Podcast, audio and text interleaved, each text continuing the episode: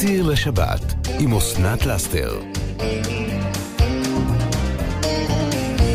שלום, אני אסנת לאסתר. היום תוכנית מוקלטת. רק אני מדברת, מתכונים כמו שאני אוהבת. רק אני מדברת. אבל יהיו המון מתכונים, המון טיפים, המון רעיונות. כדאי להכין נייר ועיפרון, כי זה הולך להיות מעניין. כבר דיברתי על זה שאפשר להכין המון דברים במחבת. אה, מנות עוף, למשל.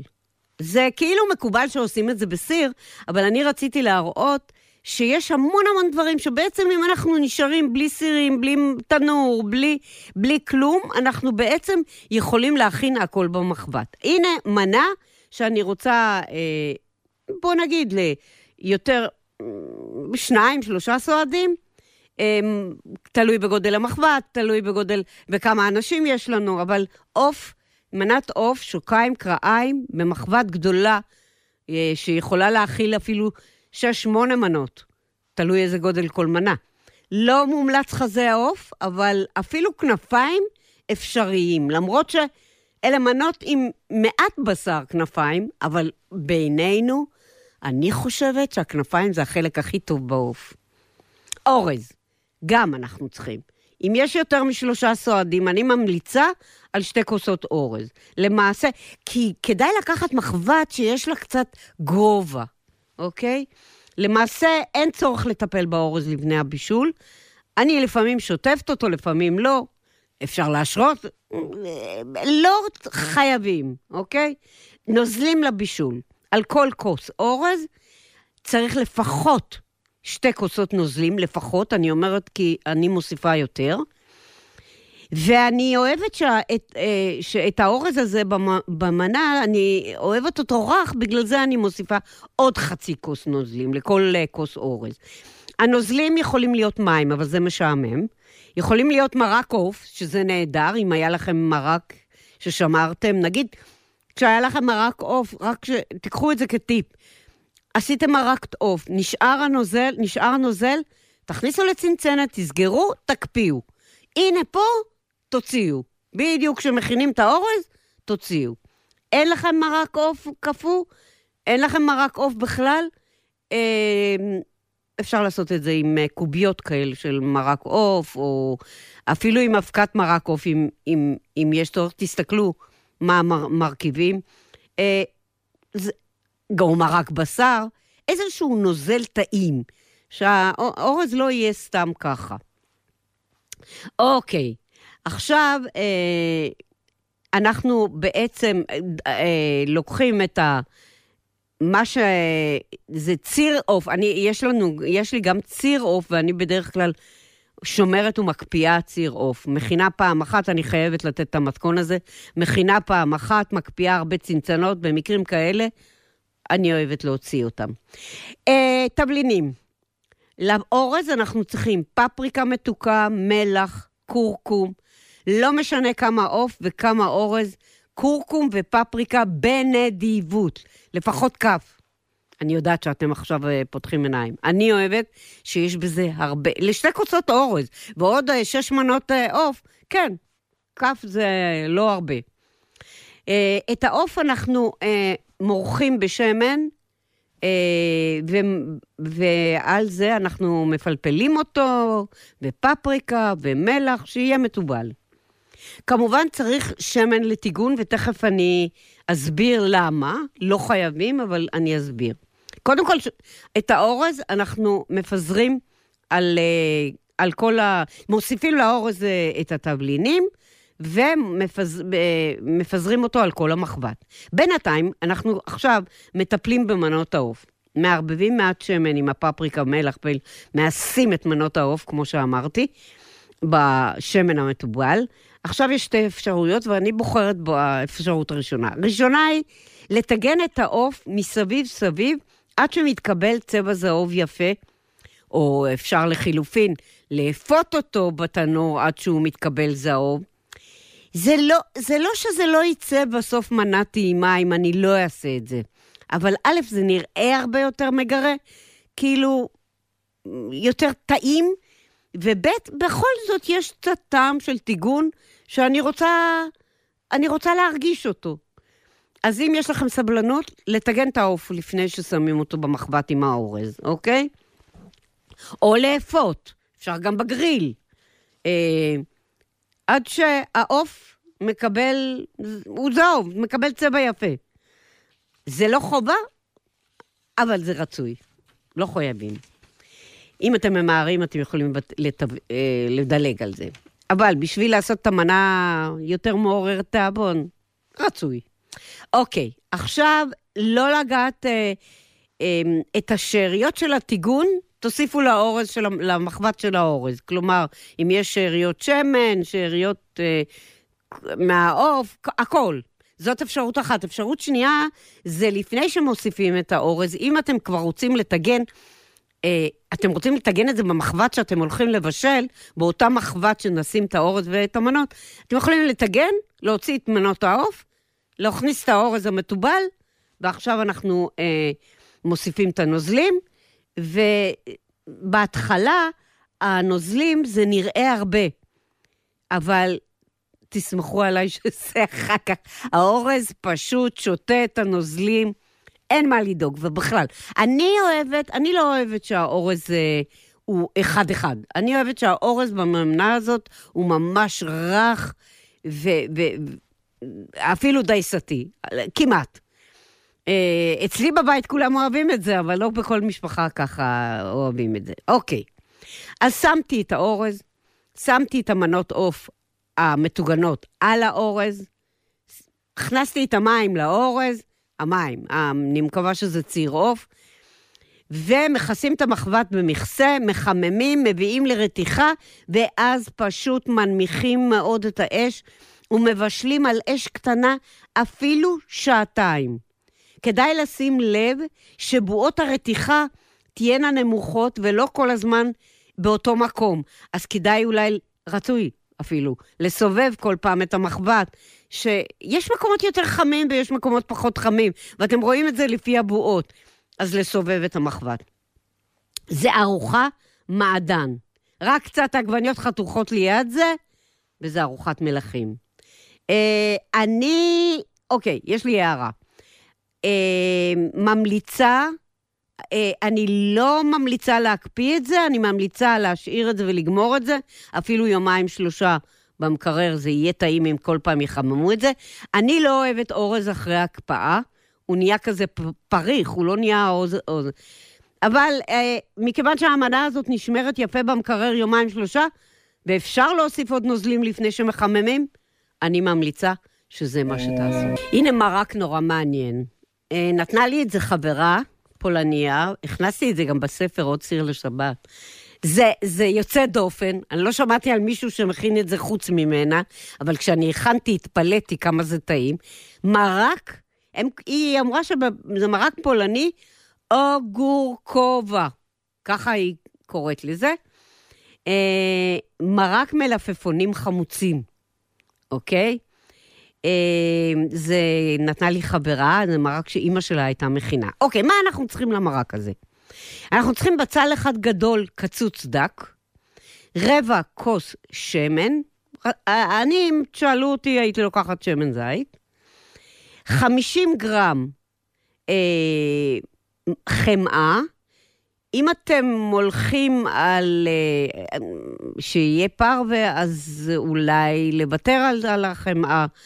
אה, ארבעה גזרים חתוכים לקוביות קטנות, ארבעה תפוחי אדמה חתוכים לקוביות קטנות, מלח, פלפל שחור גרוס ושתי קופסאות מלפפונים חמוצים במלח. תכולה ש... של שתי, כל, כל קופסה זה 540 גרם, אני לא יודעת, עם המים או בלי המים. ובסוף, כאן, שמנת חמוצה. עכשיו, שמנת חמוצה, אם זה פרווה, יש שמנת חמוצה גם פרווה, שאני מאוד ממליצה עליה, אבל אם הלכתם על החלבי ועל החמאה, אז זה שמנת חמוצה רגילה, חמנת רגילה. אוקיי, מה אנחנו עושים? מחממים בסיר בינוני את השמן והחמאה, מוסיפים את הבצל הקצוץ ומטגנים אותו עד שהופך לשקוף ורך. ואני שוב חוזרת ואומרת, אם אתם רוצים שזה יהיה פרווה, תוותרו על החמאה, ואת השמנת בסוף תופו, ת, תשתמשו בשמנת פרווה, אוקיי? אז מחממים בסיר בינוני את השמן והחמאה, מוסיפים את הבצל הקצוץ, ומטגנים אותו עד שהופך לשקוף ורך. מוסיפים לסיר את קוביות תפוחי האדמה והגזר, וממשיכים לטגן הכל יחד תוך ערבוב אה, כמה דקות, עד שאתם רואים שזה טיפה מתחיל להזיב, כאילו משנה את הצבע. חוץ מזה, קוצצים גם אה, את המלפפונים החמוצים לקומיות קטנות, ועכשיו מוסיפים אותם גם לסיר. עכשיו תקשיבו טוב, לא, לא לשפוך, לא אמרתי קודם, לא לשפוך את המים של, התפ... של המלפפונים.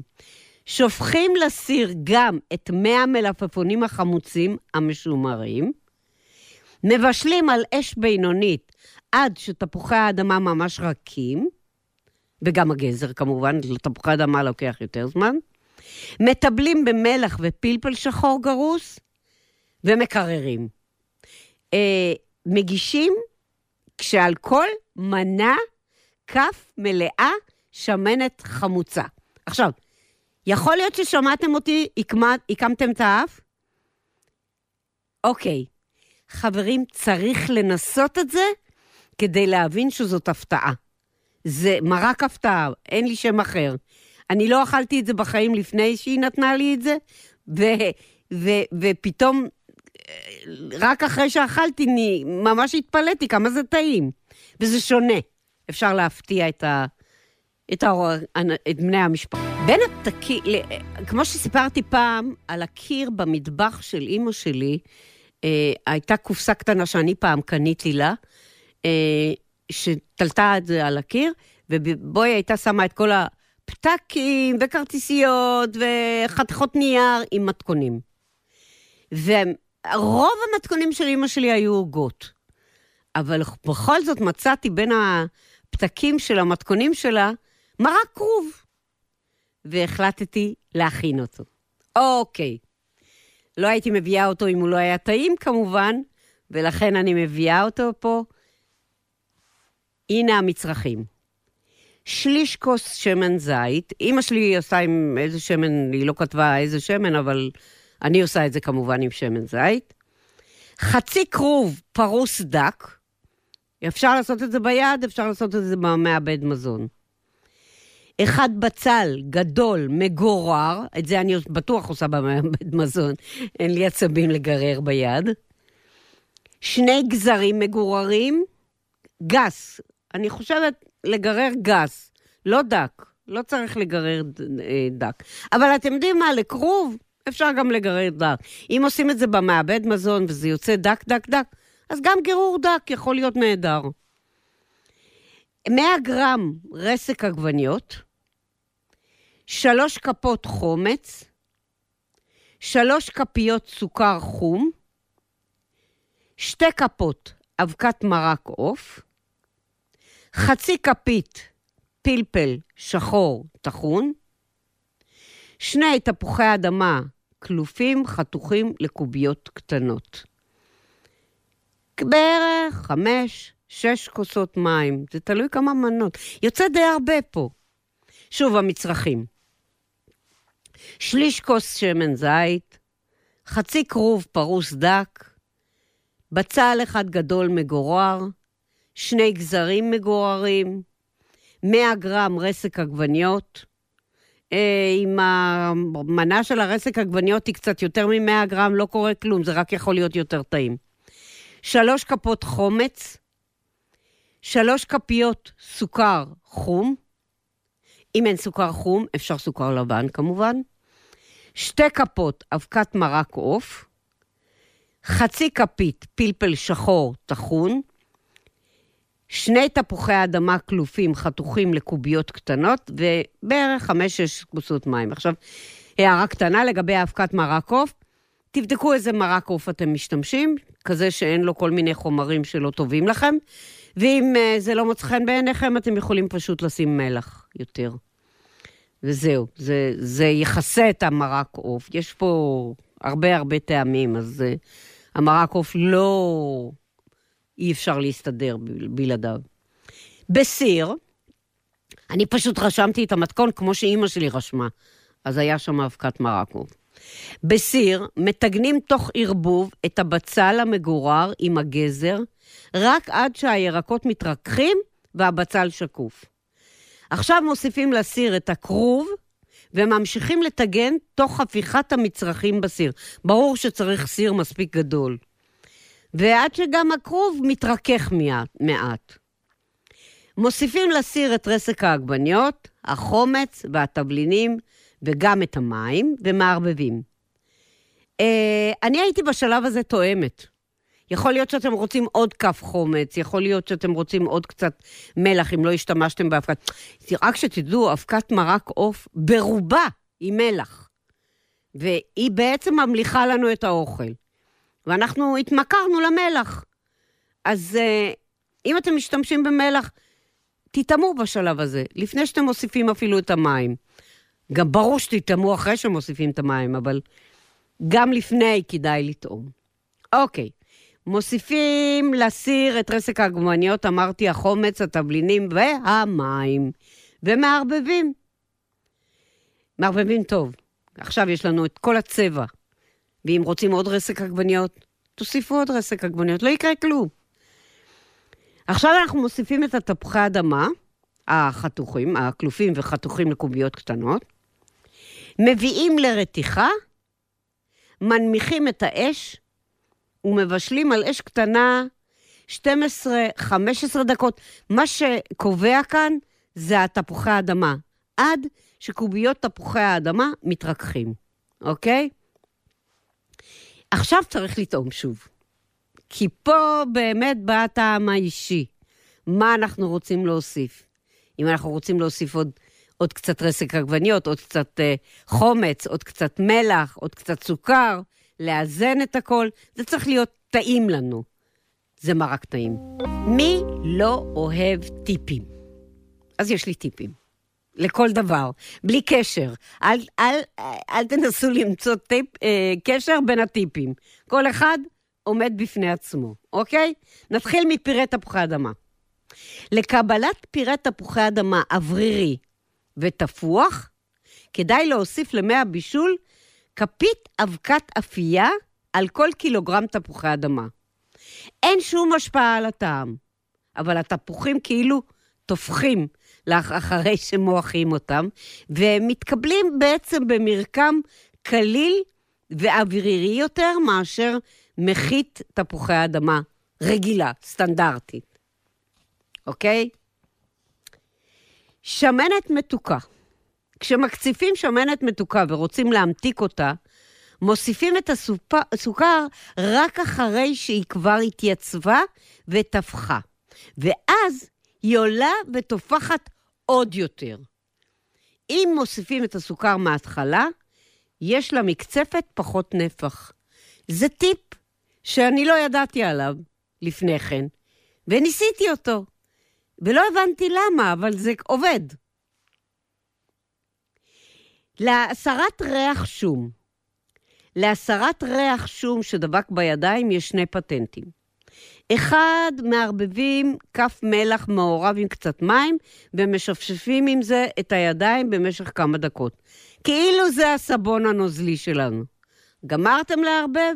תריחו קצת הידיים, תשטפו. כל הריח נעלם. אוקיי. הדבר השני זה לקחת כף מתכת.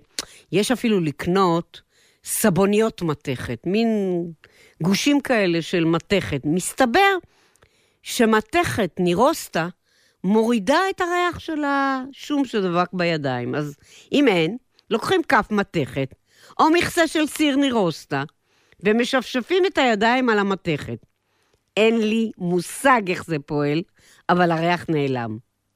שוטפים מיד אחר כך את הידיים עם סבון ריחני, ולא נודע כי ידיים אלו נגעו בשום. הפטנט, אגב, עובד גם uh, להסרת ריחות אחרים, נגיד של תבלינים, של... uh, uh, אולי של בצל קצוץ, אולי של... לא יודעת, אם יש לכם ריח לא נעים מה, מהידיים, הנה פטנט איך להוציא את הריח.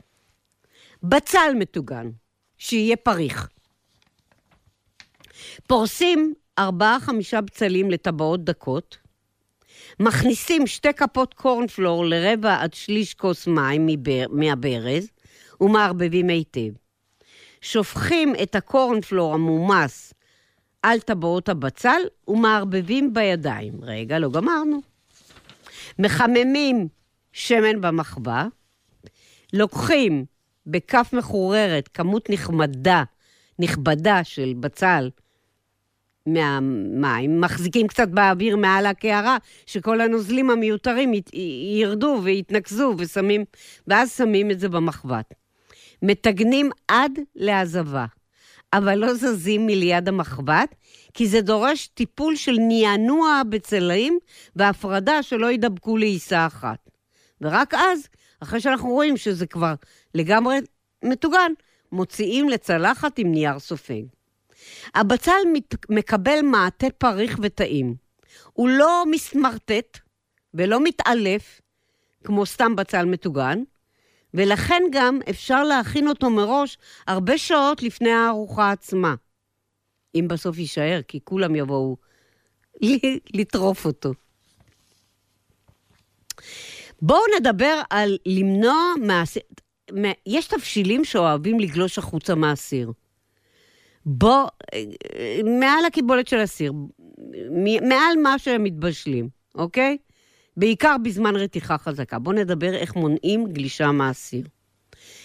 ובעיקר כאלה מין מאכלים שמעלים קצף, למשל אורז, פסטה, אפונה יבשה וכולי. הם מעלים קצף. אוקיי, מה אנחנו עושים?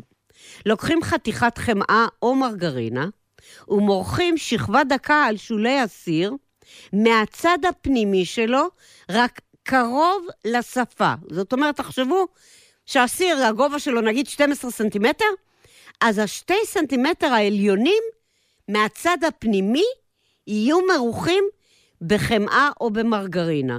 זה לא בשביל הטעם, אז, אז אה, אה, תבחרו מה שנוח לכם, שאם בכל זאת דולף לתוך הטעם. אה, אז מורחים שכבה דקה של, על שולי הסיר בצד הפנימי שלו, קרוב לשפה. המים שמטפסים עד לשם, או הקצף שמטפס עד לשם, נתקלים בחומה שומנית, והם לא יכולים לטפס מעליה, ולגז שלכם שלום, אוקיי? והדבר האחרון, אה, למקבץ הזה, פיצלוח שיני שום. אה, אוקיי, הנה פטנט שיהפוך את קילוף השום למשחק ילדים, אבל רק עם שום שאין בו טיפת לחות, רק שום ממש ממש יבש. לוקחים את שיני השום, שרוצים לקלף, אפילו ראש שלם, מכניסים למיקרוגל, עשר שניות. ייתכן במשך הזמן הזה יהיה שונה במעט בהתאם לעוצמת המיקרוגל, כי לכל אחד יש מיקרוגל אחר, לכל אחד יש עוצמה אחרת במיקרוגל. קליפת השום תתפצח מעליה ותתבקע.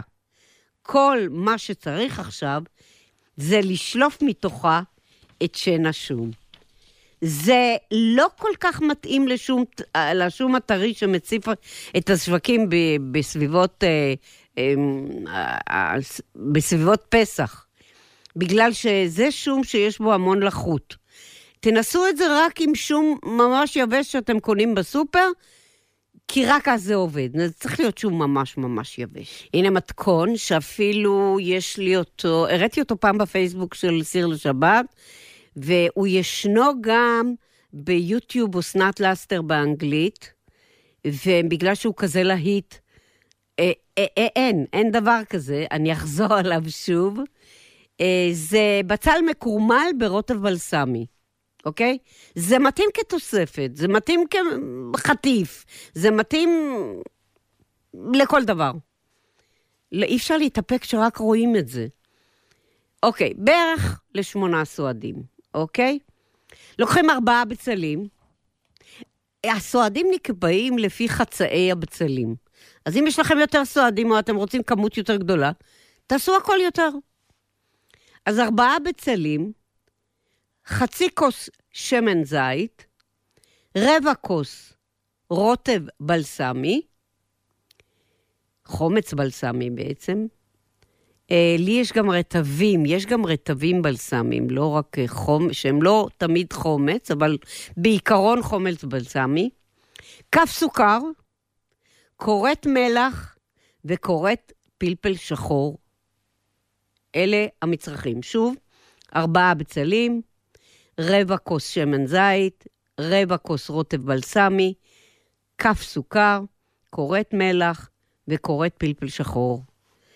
אה, אנחנו קודם כל מורידים מהבצלים אה, עודפים של קליפות יבשות, לא מקלפים ולא חותכים את הקצוות. זה מה שמחזיק את החצי בצל, שתכף נחתוך את זה לחצאים, מחזיק את החצי בצל שלם, לא זז, כאילו, מחזיק אותו יותר מחובר. אה, חוצים את הבצלים לאורכם, מהשורש של מקום הגבעול, לא לרוחבם, לא יהיו לנו עיגולים, יהיו לנו פסים, אלא לאורכם, מהשורש של מקום הגבעול. בצורה הזאת גם הבצלים לא מתפרקים, בגלל שמה שמחזיק אותם זה הקצוות שלא הורדנו. מצ... אה, עכשיו אנחנו לוקחים תפנית אפייה גדולה, מצפים אותה בנייר אפייה, ומסדרים את הבצלים החצויים עם החלק החתוך כלפי מעלה, אוקיי? מערבבים היטב את השמן, רוטב הבלסמי, הסוכר והתבלינים, עד שהסוכר, אפשר להגיד נמס, מעט נמס, כמה שאפשר נמס. הוא לא ינמס ממש עד הסוף, אבל כמה שאפשר. בעזרת כפית או כף, מזלפים מהרוטב על פני כל חצי בצל, אוקיי? מכסים קלות, אנחנו צריכים לכסות עכשיו את התבנית. אני, כמו שאמרתי, אני לא אוהבת שמכסים אה, בנייר כסף. אז לפני הנייר כסף שימו נייר אפייה, שלא ייגע בבצלים, שיהיה כאילו רפוי מלמעלה, ועל זה תשימו נייר כסף, כדי שהנייר אפייה יקבל את הצורה, כאילו, יח, זה יחזיק את הנייר אפייה מעל זה, אוקיי? אה, אופים 30 דקות בחתנור שחומם מראש ל-200 מעלות, שזה חום גבוה. אחרי 30 דקות, מוציאים מהתנור, מורידים את הניירות, והופכים את חצאי הביצה, הבצל כשצידם החתוך כלפי מטה, ולפני שאני הופכת אותם, אני יכול, אתם תראו שיש על, ה, על הנייר אפייה מלא רוטב שיורד מהבצלים. אז כאילו, אני מניחה את הבצלים עכשיו על הרוטב, ואם אתם רוצים, אפשר להוסיף עוד קצת מכל דבר, מכל דבר של הרוטב. להוסיף עוד קצת לתחתית, ש, שיהיה יותר, אבל לא חייבים. אמ, אז עכשיו אנחנו מניחים את הבצלים כשהצד החתוך כלפי מטה, והם על הרוטב שעל הנייר אפייה. ועופים עוד 20 דקות. עכשיו, כמובן שהצד שלמטה הוא הצד היפה. אז הצד שלמטה, כדאי אה, להפוך אותו בהגשה. שיהיה, כשמגישים, שיהיה הצד החתוך כלפי מעלה.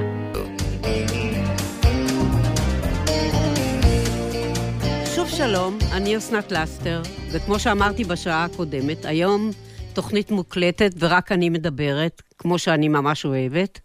אה, ויש שוב עוד הרבה מתכונים והמון טיפים והמון דברים מעניינים. המשך האזנה טעימה. עוד מתכון שאפשר לעשות במחבת, ואני חוזרת, אני נורא אוהבת את המחבת היצוקה שלי.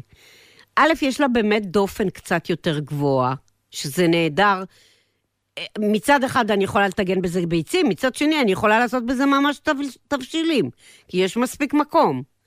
אז אה, זה דבר אחד.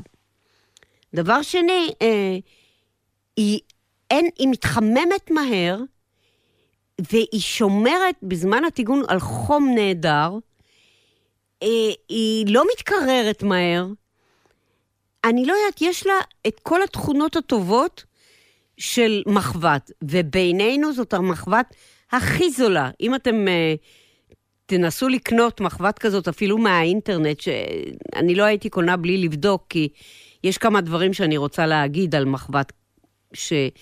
כשקונים מחבת כזאת, אני תכף אדבר אחרי זה, אז אני אוהבת שהמחבת, אני אוהבת את המחבת הזאת, אז בואו נעשה עוד מתכון למחבת. כמובן שאפשר בכל מחבת להכין את זה. אם היא יצוקה, אם היא לא יצוקה, בכל מחבת אפשר להכין את זה. אמ, שיהיה לה טיפה דופן, חייבים שיהיה לזה דופן.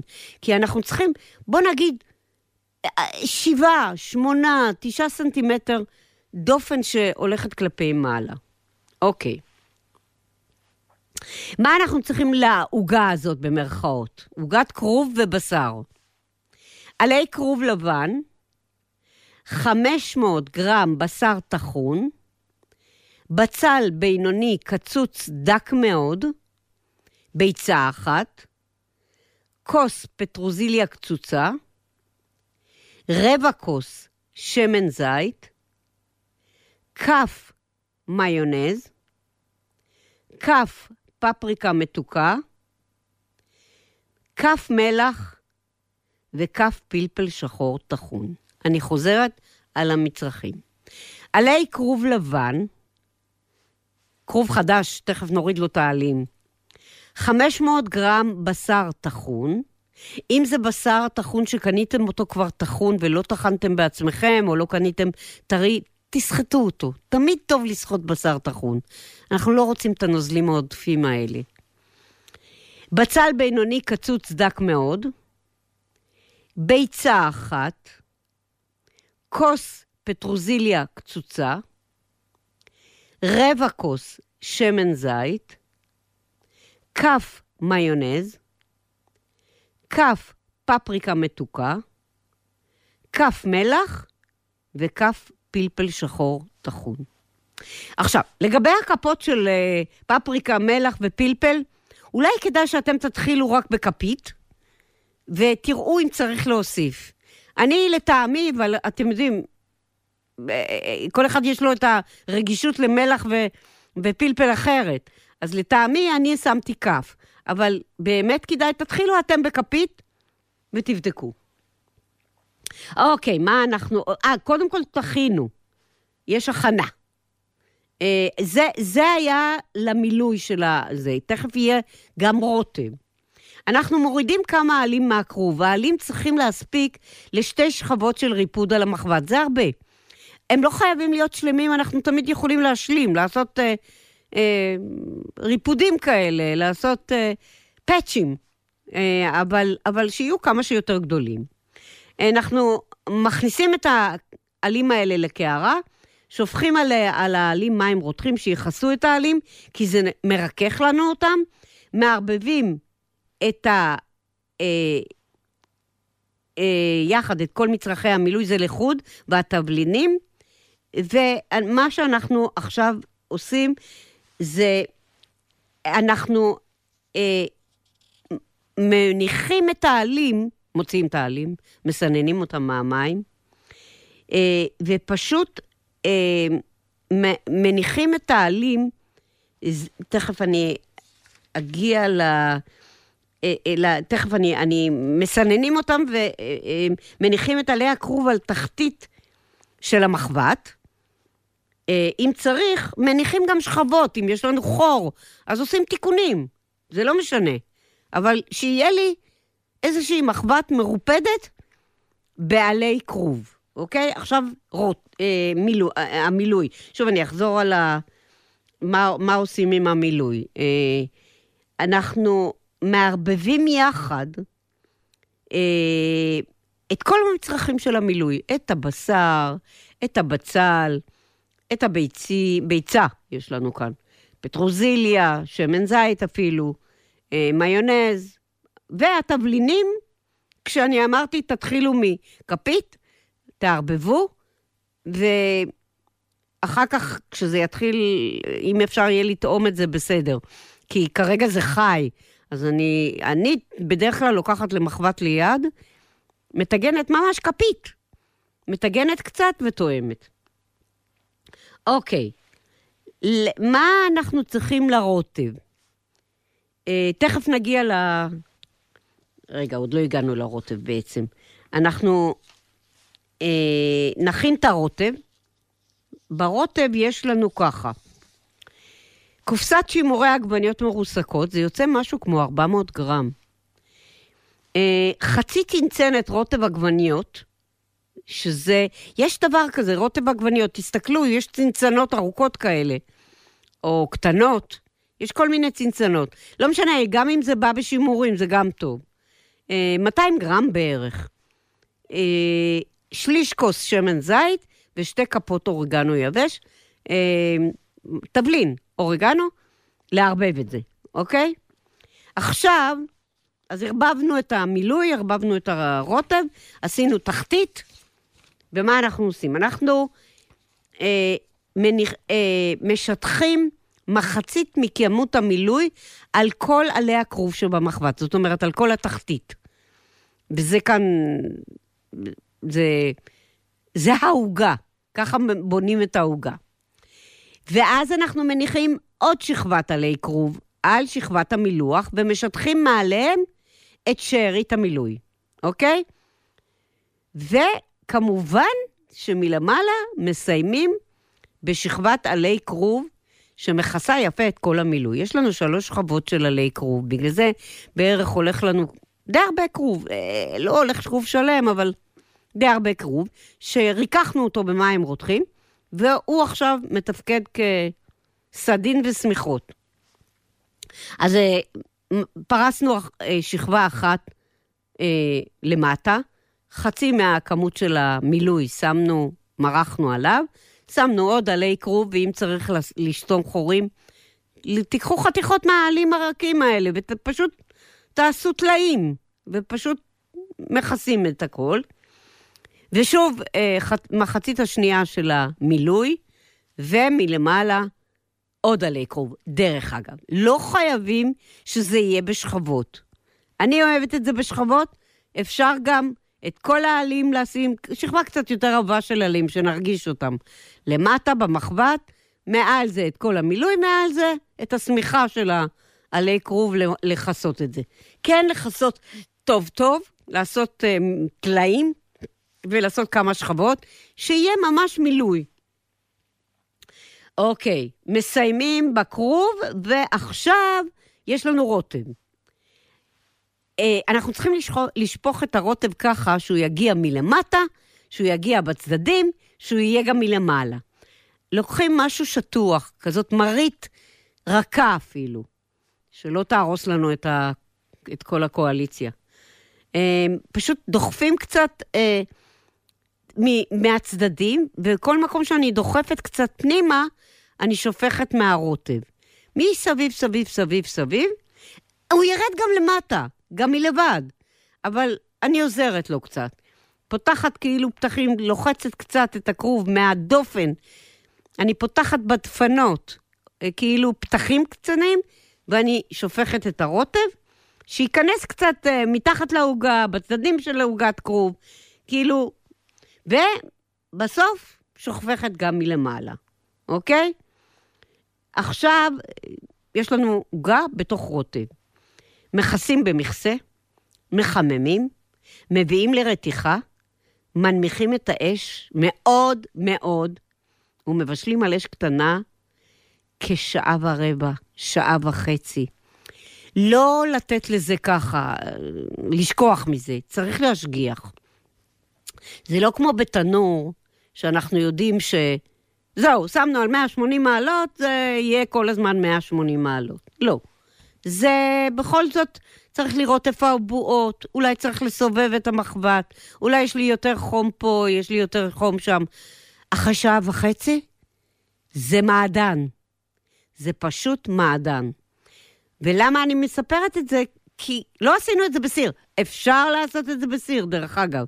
הייתי הולכת על סיר שטוח. אפשר לעשות את זה בסיר. רציתי להראות שאפשר לעשות את זה גם במחבת. לא חייבים בסיר. אבל, כן, ברור, אפשר לעשות בסיר. אפשר לא על הגז, אפשר בתנור. אפשר. מה שאני רציתי להראות פה, זה שאפשר לעשות כל כך הרבה דברים רק במחבת. הנה חמישה מאכלים שלא הכי, הגוף לא הכי אוהב אותם, והם יכולים לגרום לסוג של דלקת בגוף. קודם כל, מספר אחת, זה, ת, תחשבו על זה בחנוכה, סופגניה מצופה, או לחמניה, או לחם בריבה, או קרקרים, עוגיות, גלידה, כל אלה שיש להם מלא מלא מלא סוכר, אוקיי?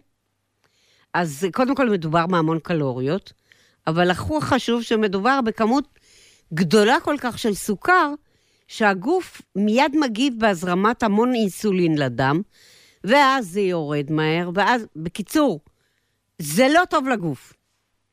אם אתם אוכלים את זה כבר, תאכלו במידה. כלומר, מעט.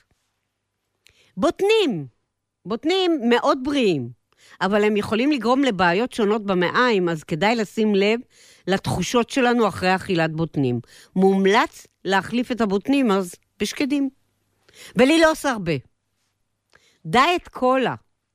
אמנם דיאט קולה נהדרת לאנשים שרוצים להוריד את הסוכר. אני לא בטוחה כמה זה מז... אה, באמת טוב לגוף. כי אז הגוף מגיב לא... הוא מפריש בכל זאת, הוא מגיב לזה כאילו יש סוכר. אה, אבל בדיאט קולה יש חומרים שהם ממש לא בריאים לגוף, בכלל. בכלל. אז uh, כדאי למעט במשקה הזה. צ'יפס מטוגן. רק בשביל האינפורמציה, מנה קטנה רגילה שאוכלים עם המבורגר, קנוי, מכילה 170 קלוריות, אבל חוץ מזה יש בה המון שומן לא בריא, שומן מטוגן היטב, ואני לא ערבה על השומן שהם משתמשים, ועוד חומרים שנוצרים בזמן הטיגון, שזה טיגון גבוה וארוך, ואיך לומר, הגוף שלכם צועק לא, לא, לא, לא, לא, והם יכולים, אה, זה, זה יכול לגרום לתופעות לא נעימות. אולי אה, כשאתם קונים המבורגר, מספיק סלט. הדבר החמישי, אלכוהול בכמות גבוהה. נכון, כוסית יין אדום ביום בריאה, כדאית ומומלצת, אבל שתייה מרובה של אלכוהול ובירה יכולים לגרום למעי דליף, וזה גורם לדלקות בגוף. אז שוב, כוסית אחת מומלצת מאוד. משהו... אבל כמות גדולה, על המקרר מזיקה. שלנו. אה, קודם כל, לפני שאתם הולכים לסופר, תתכננו ותכתבו את רשימת הקניות שלכם לפ... לפני שהולכים לסופר. כי אה, בזמן שאתם עושים את הרשימה, תחשבו איזה ארוחות אתם יכולים להכין בשבוע הבא, ותבדקו את המקרר שלכם כדי לראות אם יש חלק מהפריטים כבר שם. כשאתם בחנות, תקנו רק מה שאתם צריכים, ותיצמדו לרשימת הקניות שלכם. אה, צריך להיזהר בקנייה בכמויות גדולות, במיוחד עם פריטים בעלי חיי מדף מוגבל. אחר כך אנחנו זורקים אותם. אם יש, אה, עכשיו זה, זה משהו מוזר מה שאני אגיד. אם תמצאו ירקות ופירות מכוערים במס, במרכאות, שלפעמים מוכרים אותם הרבה יותר זול, אבל הם בטוחים לאכילה. לתוצרת מכוערת יש פגמים פיזיים, אך הם אינם פגומים, לא רקובים, וירקות מכו... אה, ופירות מכוערים בטוחים ומזינים, ולעיתים ניתן למצוא אותם במחירים מוזלים, ואפשר להכין מהם המון דברים. אוקיי, לפני שאתם יוצאים, תבדקו את הטמפרטורה במקרר שלכם. צריך לשמור על טמפרטורה של 4-5 מעלות צלזיוס, או מתחת, כדי לשמור על בטיחות המזון. לא, שלא יקפא לנו, כן? אבל uh, הטמפרטורה של המקפיא שלכם צריכה להיות מינוס 12 עד מינוס 18 מעלות. הקפאה עמוקה היא ממינוס 18 עד מינוס 24 מעלות. פחות ממינוס 18 זה הקפאה, אבל לא עמוקה. דרך מצוינת לאחסן, לאחסן את רוב המזונות כדי למנוע מהם להתקלקל עד שתהיו מוכנים לאכול אותם, זה אה, פשוט לשים אותם במקומות הקרים ביותר במקרר. למשל, מה שמומלץ, זה ירקות כלופים או חתוכים, לקרר אותם. זה עוזר להם להישאר העננים ככה, וגם הם לא מתקלקלים. עכשיו, אפשר למצוא מקום אה, מסוים במקרר למאכלים שחושבים שיתקלקלו תוך מספר ימים. אה, כי עליהם אנחנו רוצים שנסתכל עליהם, שלא נשכח אותם. כי, הנה משהו חשוב בעיקר לבעלי מקרר עמוק. תחטטו מדי פעם במקרר. אפילו כדאי להוציא את כל המצרכים מהמקרר, כי מאחורה מתחבאים הרבה מצרכים ששכחנו מהם, ואפשר עוד להכין מהם כל מיני טעימים. תגלו כאלה שממש צריך לאכול היום ומחר, כי אחר כך הם כבר לא יהיו טובים. אה, בעצם נזרוק אותם. אותו דבר לגבי המקפיא. טוב, המקפיא פחות דחוף, ובכל זאת מדי פעם מגלים מצרכים כל כך ישנים במקפיא, שקיבלו כוויות קור שלא היו מאוחסנים טוב, שלמה לא השתמשנו בהם, איך לא ראינו, איך שכחנו. דרך אגב, אה, רק מילה אחת, אה, אה, אז ככה, לגבי הפירות הירוק, והירקות המכוערים, נורא נורא רצוי להכין מהם שייקים, או מרקים. או בשביל החברים, או בשביל המשפחה, אף אחד לא ידע שזה היו ירקות במרכאות מכות. עוד מתכון שאפשר לעשות במחבת, ואני חוזרת, אני נורא אוהבת את המחבת היצוקה שלי. א', יש לה באמת דופן קצת יותר גבוהה, שזה נהדר. מצד אחד אני יכולה לטגן בזה ביצים, מצד שני אני יכולה לעשות בזה ממש תבשילים, כי יש מספיק מקום. אז אה, זה דבר אחד. דבר שני, אה, היא, אין, היא מתחממת מהר, והיא שומרת בזמן הטיגון על חום נהדר, אה, היא לא מתקררת מהר. אני לא יודעת, יש לה את כל התכונות הטובות של מחבת, ובינינו זאת המחבת הכי זולה. אם אתם אה, תנסו לקנות מחבת כזאת אפילו מהאינטרנט, שאני לא הייתי קונה בלי לבדוק, כי יש כמה דברים שאני רוצה להגיד על מחבת, ש... כשקונים מחבת כזאת, אני תכף אדבר אחרי זה, אז אני אוהבת שהמחבת, אני אוהבת את המחבת הזאת, אז בואו נעשה עוד מתכון למחבת. כמובן שאפשר בכל מחבת להכין את זה. אם היא יצוקה, אם היא לא יצוקה, בכל מחבת אפשר להכין את זה. אמ, שיהיה לה טיפה דופן. חייבים שיהיה לזה דופן. כי אנחנו צריכים, בוא נגיד, שבעה, שמונה, תשעה סנטימטר דופן שהולכת כלפי מעלה. אוקיי. מה אנחנו צריכים לעוגה הזאת במרכאות? עוגת כרוב ובשר.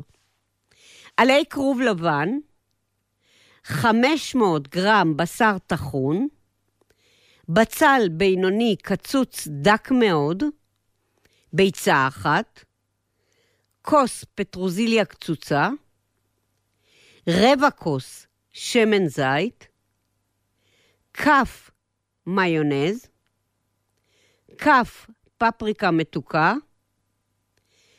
כף מלח וכף פלפל שחור טחון. אני חוזרת על המצרכים. עלי כרוב לבן, כרוב חדש, תכף נוריד לו את העלים. 500 גרם בשר טחון, אם זה בשר טחון שקניתם אותו כבר טחון ולא טחנתם בעצמכם, או לא קניתם טרי, תסחטו אותו. תמיד טוב לסחוט בשר טחון. אנחנו לא רוצים את הנוזלים העודפים האלה. בצל בינוני קצוץ דק מאוד, ביצה אחת, כוס פטרוזיליה קצוצה, רבע כוס שמן זית, כף מיונז, כף פפריקה מתוקה, כף מלח. וכף פלפל שחור טחון. עכשיו, לגבי הכפות של uh, פפריקה, מלח ופלפל, אולי כדאי שאתם תתחילו רק בכפית, ותראו אם צריך להוסיף. אני לטעמי, אבל אתם יודעים, אה, אה, כל אחד יש לו את הרגישות למלח ו, ופלפל אחרת. אז לטעמי אני שמתי כף, אבל באמת כדאי, תתחילו אתם בכפית ותבדקו. אוקיי, מה אנחנו... אה, קודם כל תכינו. יש הכנה. אה, זה, זה היה למילוי של הזה. תכף יהיה גם רוטב. אנחנו מורידים כמה עלים מהכרוב, העלים צריכים להספיק לשתי שכבות של ריפוד על המחבת, זה הרבה. הם לא חייבים להיות שלמים, אנחנו תמיד יכולים להשלים, לעשות אה, אה, ריפודים כאלה, לעשות אה, פאצ'ים, אה, אבל, אבל שיהיו כמה שיותר גדולים. אנחנו מכניסים את העלים האלה לקערה, שופכים על, על העלים מים רותחים שיכסו את העלים, כי זה מרכך לנו אותם, מערבבים את ה... אה, אה, יחד את כל מצרכי המילוי, זה לחוד, והתבלינים, ומה שאנחנו עכשיו עושים, זה אנחנו אה, מניחים את העלים, מוציאים את העלים, מסננים אותם מהמים, אה, ופשוט אה, מניחים את העלים, תכף אני אגיע ל... אה, אה, תכף אני, אני מסננים אותם ומניחים את עלי הכרוב על תחתית של המחבת. אם צריך, מניחים גם שכבות, אם יש לנו חור, אז עושים תיקונים, זה לא משנה. אבל שיהיה לי איזושהי מחבת מרופדת בעלי כרוב, אוקיי? עכשיו רוט, אה, מילו, אה, המילוי. שוב, אני אחזור על ה... מה, מה עושים עם המילוי. אה, אנחנו מערבבים יחד אה, את כל המצרכים של המילוי, את הבשר, את הבצל, את הביצי, ביצה יש לנו כאן, פטרוזיליה, שמן זית אפילו, אה, מיונז, והתבלינים, כשאני אמרתי, תתחילו מכפית, תערבבו, ואחר כך, כשזה יתחיל, אם אפשר יהיה לטעום את זה, בסדר. כי כרגע זה חי. אז אני, אני בדרך כלל לוקחת למחבת ליד, מטגנת ממש כפית. מטגנת קצת וטועמת. אוקיי, מה אנחנו צריכים לרוטב? אה, תכף נגיע ל... רגע, עוד לא הגענו לרוטב בעצם. אנחנו אה, נכין את הרוטב. ברוטב יש לנו ככה, קופסת שימורי עגבניות מרוסקות, זה יוצא משהו כמו 400 גרם. אה, חצי צנצנת רוטב עגבניות, שזה, יש דבר כזה, רוטב עגבניות, תסתכלו, יש צנצנות ארוכות כאלה, או קטנות, יש כל מיני צנצנות. לא משנה, גם אם זה בא בשימורים, זה גם טוב. 200 אה, גרם בערך. אה, שליש כוס שמן זית ושתי כפות אורגנו יבש. תבלין, אורגנו, לערבב את זה, אוקיי? עכשיו, אז ערבבנו את המילוי, ערבבנו את הרוטב, עשינו תחתית, ומה אנחנו עושים? אנחנו אה, מניח, אה, משטחים מחצית מכמות המילוי על כל עלי הכרוב שבמחבת, זאת אומרת, על כל התחתית. וזה כאן, זה, זה העוגה, ככה בונים את העוגה. ואז אנחנו מניחים עוד שכבת עלי כרוב על שכבת המילוח, ומשטחים מעליהם את שארית המילוי, אוקיי? וכמובן שמלמעלה מסיימים בשכבת עלי כרוב שמכסה יפה את כל המילוי. יש לנו שלוש שכבות של עלי כרוב, בגלל זה בערך הולך לנו די הרבה כרוב. אה, לא הולך כרוב שלם, אבל די הרבה כרוב, שריככנו אותו במים רותחים. והוא עכשיו מתפקד כסדין ושמיכות. אז אה, פרסנו אה, שכבה אחת אה, למטה, חצי מהכמות של המילוי שמנו, מרחנו עליו, שמנו עוד עלי כרוב, ואם צריך לשתום חורים, תיקחו חתיכות מהעלים הרכים האלה ופשוט תעשו טלאים, ופשוט מכסים את הכל. ושוב, אה, מחצית השנייה של המילוי, ומלמעלה עוד עלי כרוב. דרך אגב, לא חייבים שזה יהיה בשכבות. אני אוהבת את זה בשכבות, אפשר גם את כל העלים לשים, שכבה קצת יותר עבה של עלים, שנרגיש אותם. למטה, במחבת, מעל זה את כל המילוי, מעל זה את השמיכה של העלי כרוב לכסות את זה.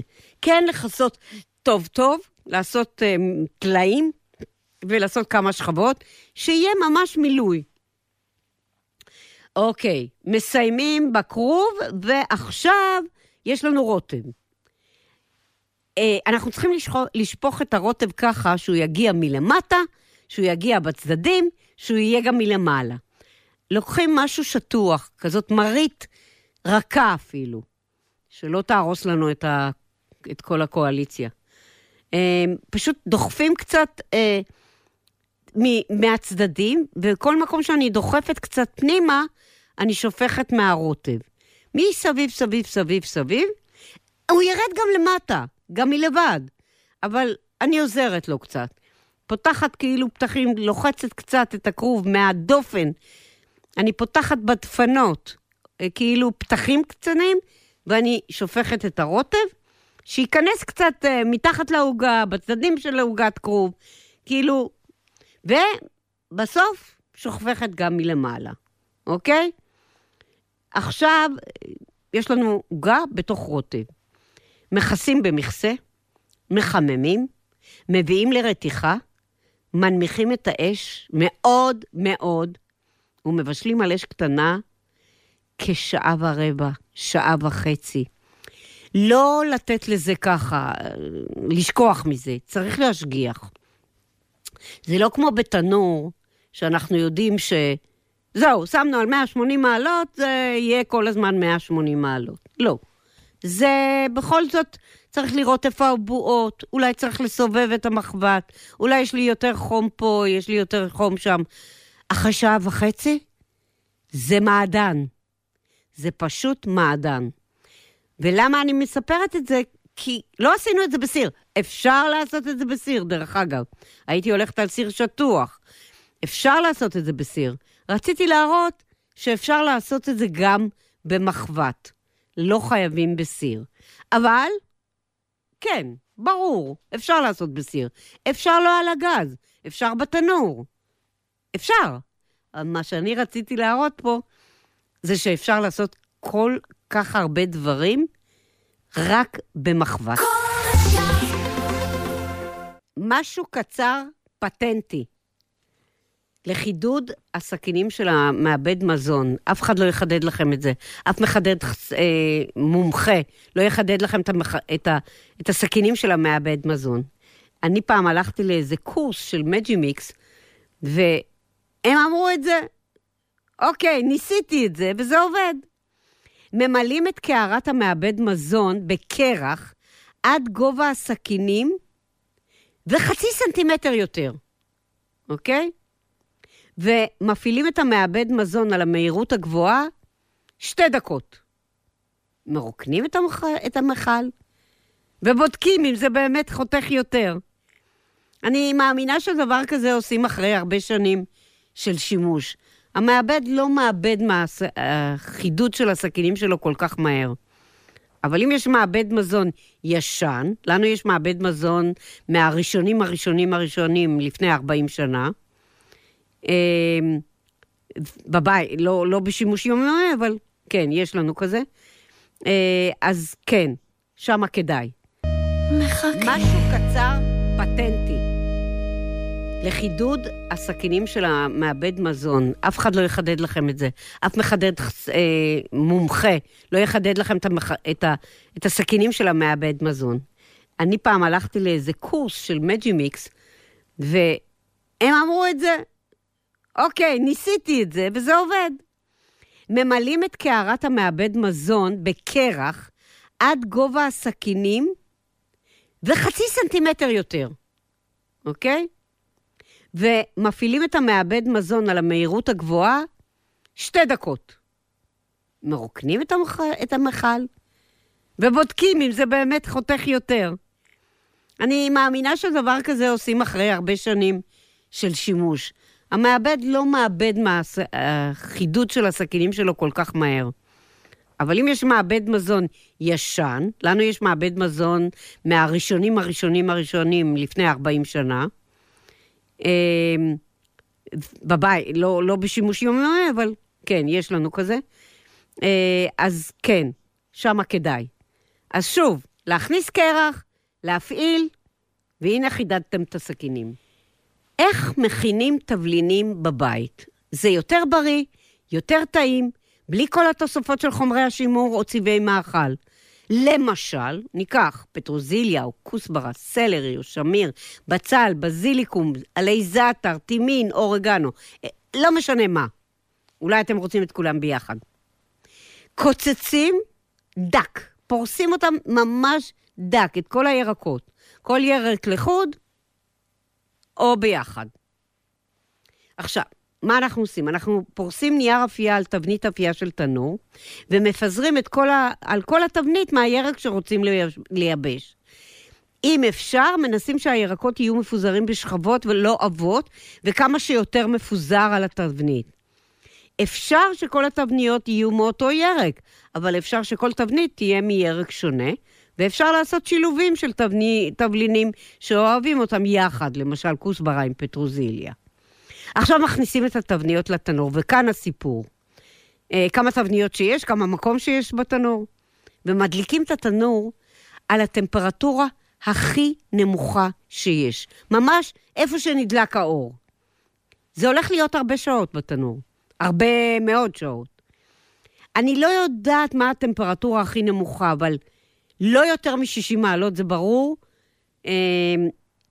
אה, כי בדרך כלל זה, זה, יש כאלה תנורים שיש להם פחות, אבל עופים את זה 10 ו-12 שעות. אה, צריך לבדוק שזה יהיה ממש ממש ממש יפה. אה, בגלל שכל תנור הוא אחר, אז מדי שעה, שעתיים פותחים, מוציאים את התבנית, בודקים, הופכים את העשבים קצת. בודקים, אתם בודקים בעצם מתי זה מוכן. כשזה פריך, כשזה מתפצפץ, כשזה מרגיש כמו תבלין. עכשיו, אה, תנו לזה להתקרר היטב, וזה יכול לקחת גם יומיים, כן? זה תלוי בתבלין, תלוי בטמפרטורה של התנור. הטמפרטורה צריכה להיות הכי נמוכה שאפשר. זה מדמה, זה לדמות את המכשירים המיוחדים לייבוש תבלינים. ואז אפשר להכניס לקופסה, לצנצנת, למיכל אטום, ומשתמשים בזה לטיבול. יש לי משהו מדליק, שזה ביצה אפויה בקן. עשו לנו את זה כשהיינו ילדים, אבל תמיד תמיד כשיש לי קצת עגבניות, שהן לא משהו, לא יכולה לחתוך אותן לסלט. אמ, אני מנסה לעשות מהם משהו שיהיה טעים. כל פעם משהו אחר. ביצה אפויה בקן, זה משהו שהגישו בתקופת הצנע וזה טוב היום. אוקיי, אנחנו לוקחים עגבניות, לא משהו, ולוקחים ביצים, וכפית שמן, והרבה פטרוזיליה, אמ, פלפל, מלח, ומה שאנחנו עושים בעצם, אנחנו מורידים לעגבניה המקובצ'צ'ת את הכיפה, מוציאים את הפנים שלה, ושמים אותה במחבת עם הפנים כלפי מעלה, ואו במחבת או בתבנית, אנחנו הולכים להכניס את זה לתנור.